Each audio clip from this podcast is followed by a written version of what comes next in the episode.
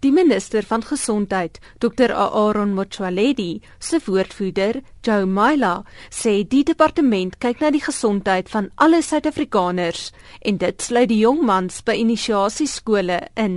What we have decided to do was to work with a contralesa in order to find ways to deal with the issues of health. And one of those issues that were identified was that we needed doctors, those who have been to the to the traditional schools themselves but they are doctors in profession, those that can help in those uh, initiation schools. That is the reason why we have agreed with Contralesa that we'll put money aside in order to make sure that uh, traditional leaders can be able to identify doctors who can assist in traditional schools.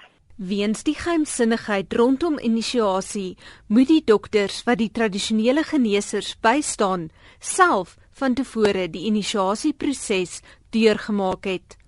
Die dokters sal nie net assisteer met die besnydenis nie, maar ook algemene gesondheidsorg aan die jong mans by die inisiasieskole gee.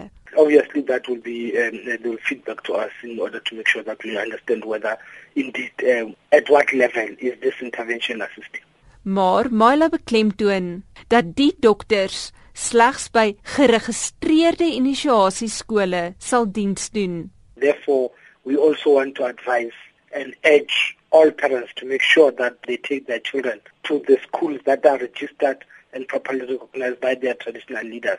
Because our information is that those uh, that are causing even more problems are those that are illegal in nature and therefore they are not part of this agreement. So if people are taken to those that are recognized, then this money would be able to assist them and the doctors would be able to do their job at that particular school. Dit was Joe Myla, die woordvoerder van die minister van gesondheid, Dr Aaron Motsoaledi. Ek is Anne Marie Jansen van Vuren in Johannesburg.